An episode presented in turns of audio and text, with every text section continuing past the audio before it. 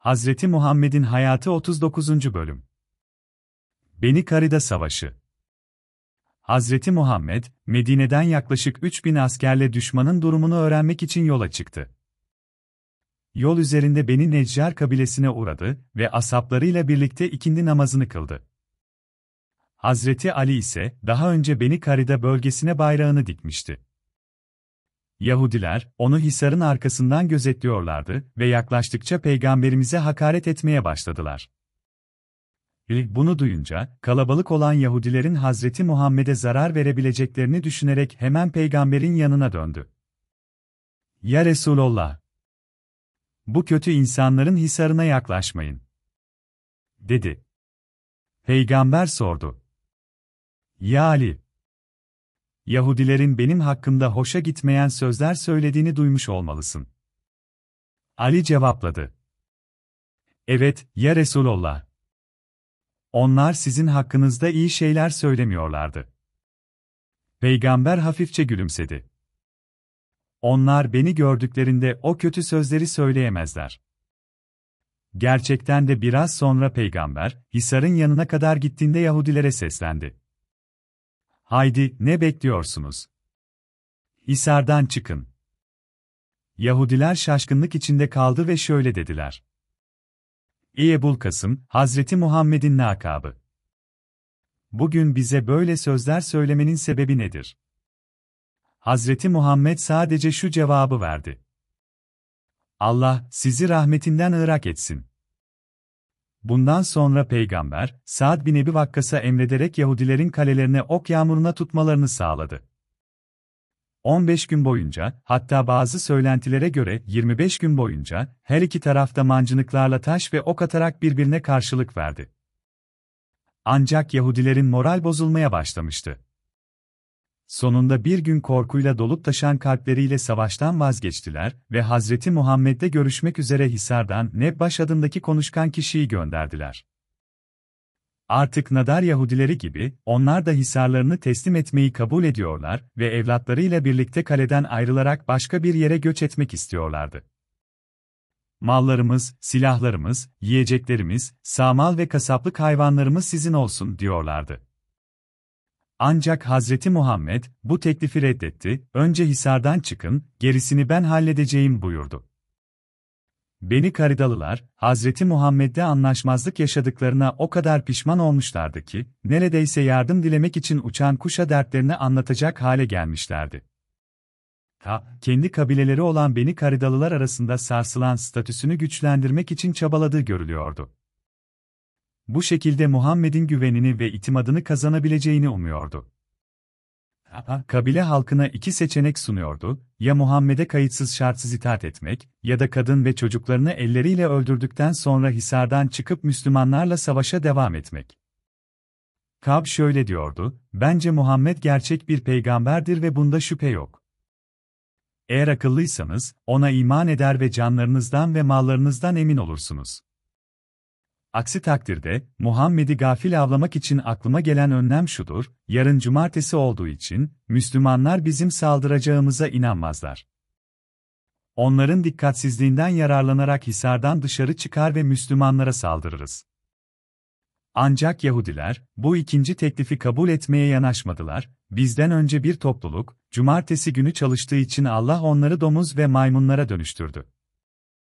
Biz de öyle olmayalım, değil mi? Dediler ve Müslümanlarla anlaşabilmek için Ebu Libabe bin Munzir'i Hazreti Muhammed'den göndermesini istediler. Peygamber, Libabe'yi onların yanına gönderdi. Ebu Libabe, Hisar'a girdiğinde Yahudiler tarafından soğuk bir şekilde karşılandı. İlk söyledikleri şikayet etmekti, kuşatma durumunu dile getirdiler. Ardından şunu sordular, ey Ebu Libabe! Durumumuzu gördün bizim için ne önlem alırsın? Muhammed'in hükmüne razı olup Hisar'dan çıkmamız mı gerekiyor? Ebu Libabe, evet, çıkını dedikten sonra, iki eliyle boğazını sıkmış gibi bir işaret yaptı. Bu hareketin anlamı şuydu, dışarı çıkın, ancak sonra sizi öldürürlerse müdahale etmem. Libabe, bu hareketi hemen ve istemsizce yaptıktan sonra büyük bir pişmanlık duydu.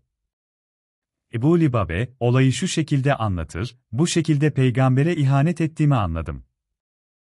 Hisardan aşağı indikten sonra, utanç içinde peygamberin yanına gidemeden doğrudan Medine'ye gittim.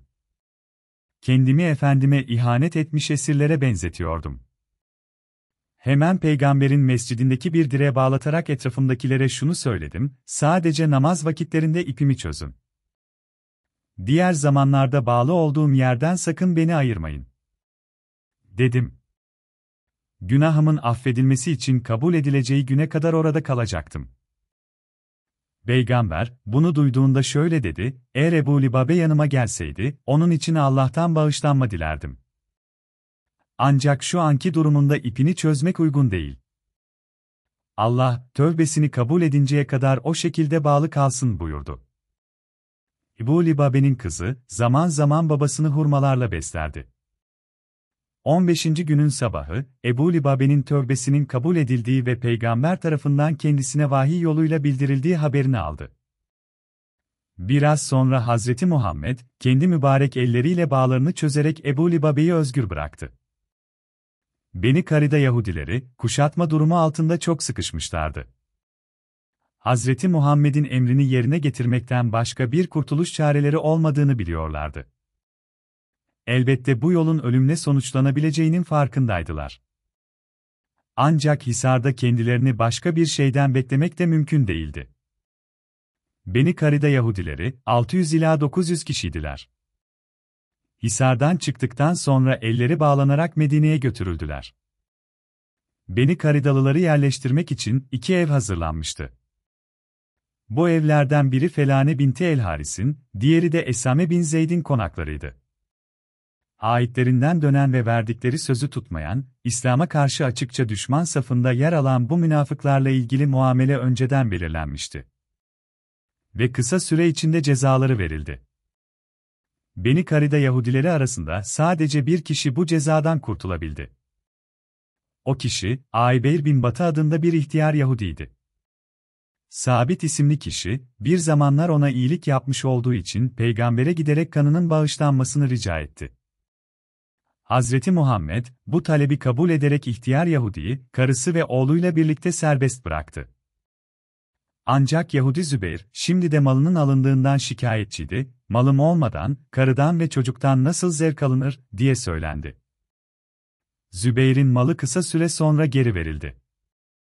İhtiyar Yahudi, Beni Karida Yahudileri arasında hayatta kalanlar olup olmadığını merak ederek Sabit'e sordu, Ahtab nereye gitti? Öldürüldü, Kab bin Esad ne oldu? Ba aynı yere gitti.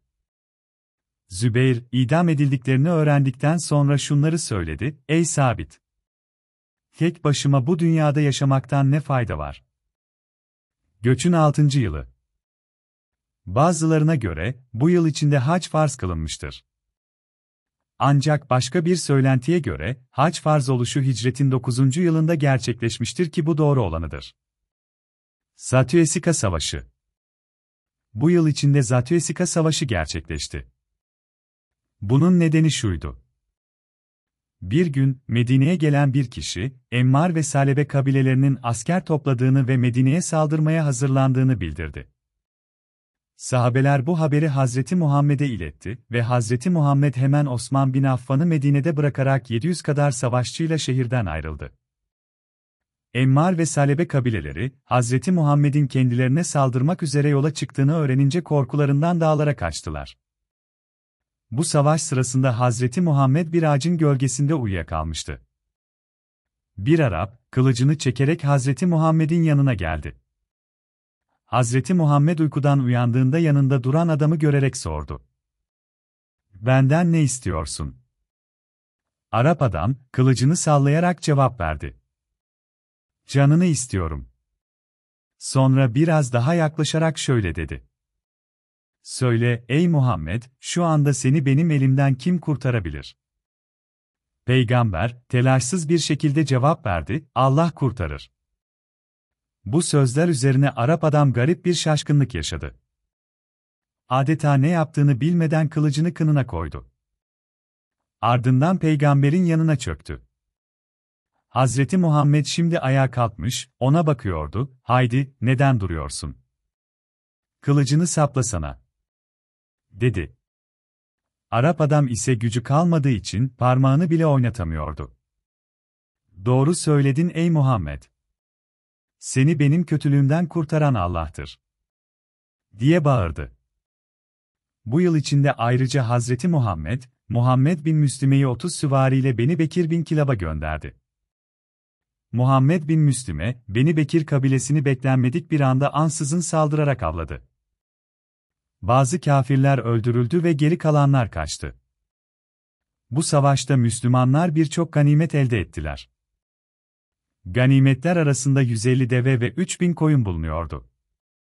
Aynı yıl içinde Beni Saad'ın Heyber'deki Yahudileri, Medine'ye saldırmaya hazırlandıkları haberi üzerine Ali bin Ebu Talip, bu seferin düzenlenmesi görevini üstlendi. Hazreti Ali, geceleri yürüyüp, gündüzleri gizlenerek düşmanın pusu kurduğu Hemeç mevkine ulaştı. Düşmanın durumunu öğrenmek için ilk olarak yapılması gereken buydu. Bu sırada Hazreti Ali'ye hizmet etmek istediğini söyleyen bir kişi ortaya çıktı, size bir şartla düşman üzerine baskın yapmanızı sağlayabilirim, beni bağışlarsanız. Bu teklif kabul edildi ve Hazreti Ali, düşmanın pusuya düştüğü yerde ansızın saldırıya geçti. Düşman, neye uğradığını anlayamadan dağıldı. 500 deve, 2000 koyun ve daha birçok ganimet malı Hazreti Ali'nin eline geçti. Ali bin Ebu Talib, bu develerin en güzellerinden birkaç tanesini seçerek savaş anısına peygamberimiz için ayırmıştı. Geri kalanları ise sefere katılan askerler arasında bölüştürmüştü.